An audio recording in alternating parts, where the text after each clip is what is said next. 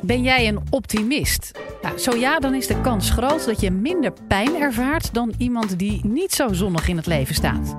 Jantine Bozelie van Maastricht University onderzoekt mensen met chronische pijn in combinatie met optimisme. Haar bevindingen deelt ze met je in onze nieuwste podcast, waarin ze antwoord geeft op de vraag: waarom hebben optimisten minder pijn? Dit is de Universiteit van Nederland. Wil jullie allemaal vragen om terug te denken aan de laatste keer dat jullie pijn hadden. Misschien is dat die zeurderige hoofdpijn na een lange dag werken, of die vervelende griep als je, of die vervelende spierpijn als je griep hebt. Nou, mijn laatste echt pijnlijke ervaring was afgelopen voorjaar. Ik was druk bezig met het afronden van mijn proefschrift toen ik ineens acute pijn in mijn buik kreeg. En ik dacht meteen, dit zit niet goed. Dus ik ben strompelend naar de, de secretaresse van onze afdeling gelopen.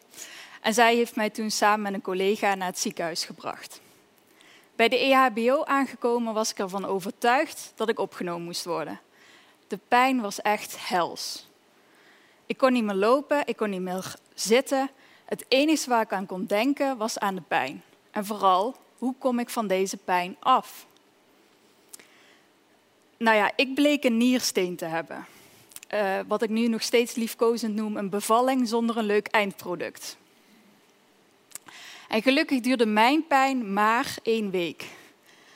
Maar probeer je nu voor te stellen dat je die pijn drie maanden lang moet verduren. Dat is namelijk het moment dat we gaan praten over chronische pijn. En mensen met chronische pijn hebben gemiddeld zes jaar last van hun pijn, tot wel 15 tot 20 jaar.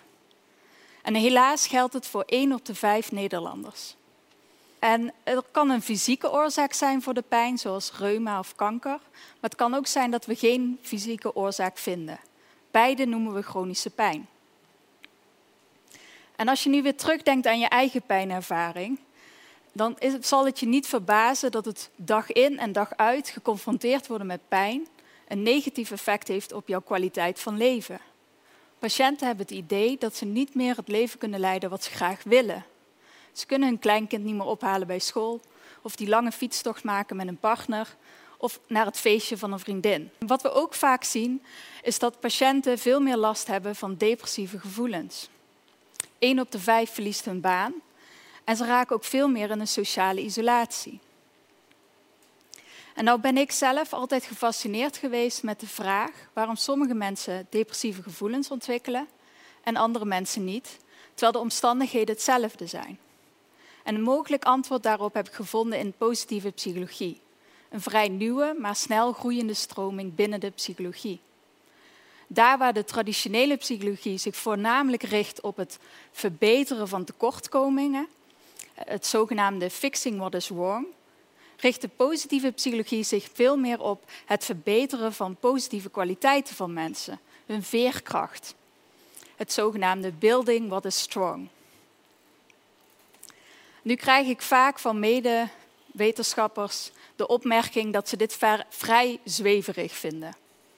Maar in de laatste afgelopen 17 jaar is er ontzettend veel gedegen en goed wetenschappelijk uh, onderzoek verricht, wat duidelijk aangeeft dat deze nieuwe tak van sport mensen daadwerkelijk kan helpen. Daarentegen zeggen familie en vrienden vaak tegen mij als ik praat over mijn onderzoek: Ja, uh, de, logisch toch? En dan zeg ik: Ja, dat klopt, vind ik ook. Maar je moet het wel wetenschappelijk aantonen. Bepaalde dingen die logisch lijken, zoals in je bed blijven liggen op het moment dat je depressief bent, zijn precies het tegenovergestelde van wat je moet doen. Maar hoe maken we nou mensen optimistischer? Nou, mijn onderzoek heb ik gebruik gemaakt van het Gelukkig Ondanks Pijn-programma. En het is belangrijk dat, uh, dat, we, dat jullie begrijpen dat uh, het, de term positief in positieve psychologie niet betekent dat we de pijn negeren of weglachen. Lijden aan chronische pijn is zwaar. Maar wat we wel willen zorgen ervoor dat mensen meer draagkracht krijgen en dat ze hun kwaliteit van leven verbeteren. Nou, in het Gelukkig Ondanks Pijn-programma, acht weken durende interventie, die ontwikkeld is aan de Universiteit van Maastricht. En het doel van het programma is dat mensen hierna gelukkiger zijn en optimistischer. Nou is dit vaak erg lastig voor chronische pijnpatiënten.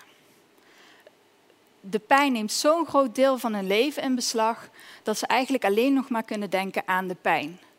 En dat ze niet meer in staat zijn om te genieten van de dingen. Maar ook voor mensen zonder chronische pijnklachten is het lastig om optimistisch te zijn. We zijn eigenlijk van nature voorgeprogrammeerd om negatief naar de wereld te kijken. Negatieve dingen vallen ons veel meer op en negatieve dingen onthouden we ook veel beter. En het is ook wel evolutionair gezien logisch. Want uh, bronnen van ongeluk of pijn, die moeten we goed onthouden om te overleven. Maar dit zorgt er ook voor dat we twee positieve ervaringen nodig hebben om één negatieve ervaring te evenaren. We hebben zelfs drie positieve ervaringen nodig om een algemeen positieve stemming te hebben. Moet je dus nagaan hoeveel positieve dingen je mee moet maken om die krant die je vanmorgen gelezen hebt te compenseren. Nou, in het Gelukkig Ondanks Pijnprogramma hebben we meerdere technieken gebruikt. En nu wil ik eigenlijk graag iemand uit het publiek vragen om hier bij mij te komen staan om een oefening te doen. Even kijken, vrijwilligers. Ja. Nou, zou jij graag willen komen op het podium? yes, dan mag je het uh, microfoontje pakken. Nou, ik wil eigenlijk je vragen om drie goede dingen op te noemen die vandaag zijn gebeurd en waarom ze zijn gebeurd. En nu ga ik je al een beetje helpen. Het, natuurlijk, het, bijwonen van dit college staat op nummer 1. Uh, maar misschien heb je twee andere dingen die, uh, die leuk zijn geweest vandaag. Ja, ik ben uh, al maanden aan het proberen om mezelf in te schrijven bij een sportschool. Ja. En het is vandaag gelukt. Oké. Okay. Ja. ja. Dus, heel goed, heel goed. Ja. Dus je wilde het heel graag en je hebt het nu zelf voor elkaar gekregen om ja, ja, die, in te schrijven. Precies, die website die stond al een hele tijd open. Daar heb ik er doorheen geklikt. Ja. ja. Kan je misschien ook nog een tweede ding bedenken? Uh, ja, ik uh, heb ook een belangrijk pakketje op de post gedaan waar ik vanuit heel Amsterdam allemaal dingen bij elkaar moest verzamelen. Allemaal. En uiteindelijk precies vijf minuten voor half zes aangetekend in de bus. En er werd er aangebeld door de postbode daar. Ze zei, nou kan het vandaag nog, nog lekker mee. Dus ook daar was ik heel blij mee. Ja, ja, super. Nou ja, groot applaus voor mijn vrijwilliger. Dan mag je weer gaan zitten. nou, je ziet dat vooral die tweede vraag, waarom is het gebeurd, erg belangrijk is. Want het geeft aan dat je zelf wat controle hebt over meer gelukservaringen. Nou, het Gelukkig Ondanks Pijn-programma bestond uit vier modules. De oefening die we net hebben gedaan is de drie goede dingen oefening. En dat is eigenlijk module 2. En het doel van die oefening is te zorgen dat mensen uh, voor eigenlijk veranderen van een negatieve focus naar een positieve focus, door mensen bewust te maken van de aangename dingen in hun leven. Een andere module is zelfcompassie. Zelfcompassie is eigenlijk begripvol zijn voor jezelf op het moment dat je het moeilijk hebt. Nu kunnen we dit heel goed voor andere mensen. We zijn heel compassievol voor andere mensen, maar niet zo heel erg goed voor onszelf. En wat we vragen aan patiënten is om een brief te schrijven voor die momenten dat ze het moeilijk hebben, maar zoals ze naar een vriend zouden schrijven. Een andere module is wat we in het Engels savoring noemen. Dat is eigenlijk het vermogen om te genieten en positieve emoties vast te houden. Een oefening die daarbij kan helpen is het inplannen van mini-vakanties. Drie keer per week, twintig minuten lang, alleen datgene doen wat jij wil. In mijn geval een boek lezen dat niet wetenschappelijk is. Nou, de laatste module is het module om optimisme te verhogen. En dat doen we met de best mogelijke zelfoefening. En optimisme is eigenlijk de, de neiging om te verwachten dat de toekomst positief uitpakt. Optimisme heeft vele voordelen. Meer uh, veerkracht in stressvolle situaties en een beter herstel na ziekte. We zien ook dat optimisten minder pijn rapporteren en dat ze ook beter kunnen omgaan met de pijn. Nu heb ik al iets verteld over pijn. Nou, pijn trekt je aandacht. En dit leidt ertoe dat we vaak geheugenproblemen krijgen. Als wij mensen optimistischer maken, dan zien wij niet die geheugenproblemen. Mensen doen het gewoon dan goed op een geheugentaak. Optimisme kan dus ook beschermen tegen de negatieve effecten van pijn op je geheugen. Nou, hoe ziet die best mogelijke zelfoefening er nou precies uit?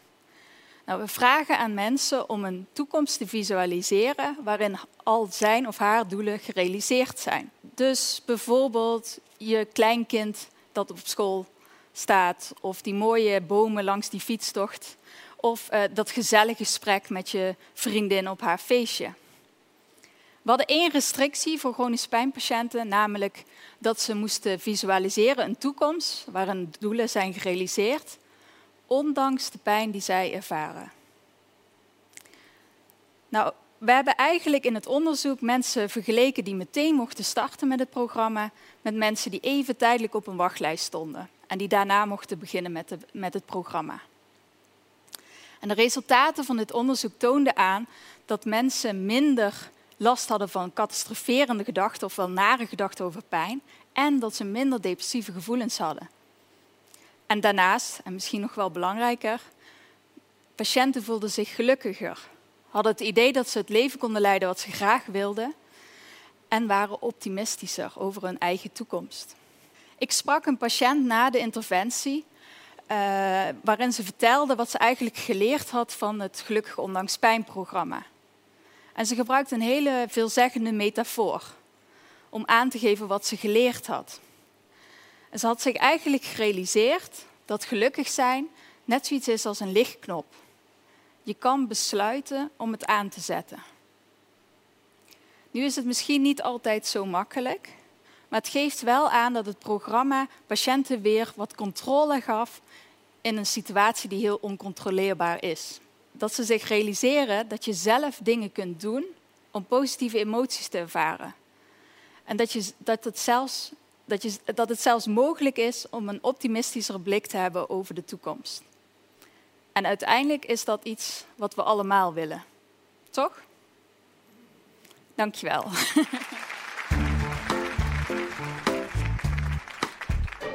Dit was de Universiteit van Nederland. Wil je nou nog meer wetenschappelijke antwoorden op spannende vragen? Check dan de hele playlist.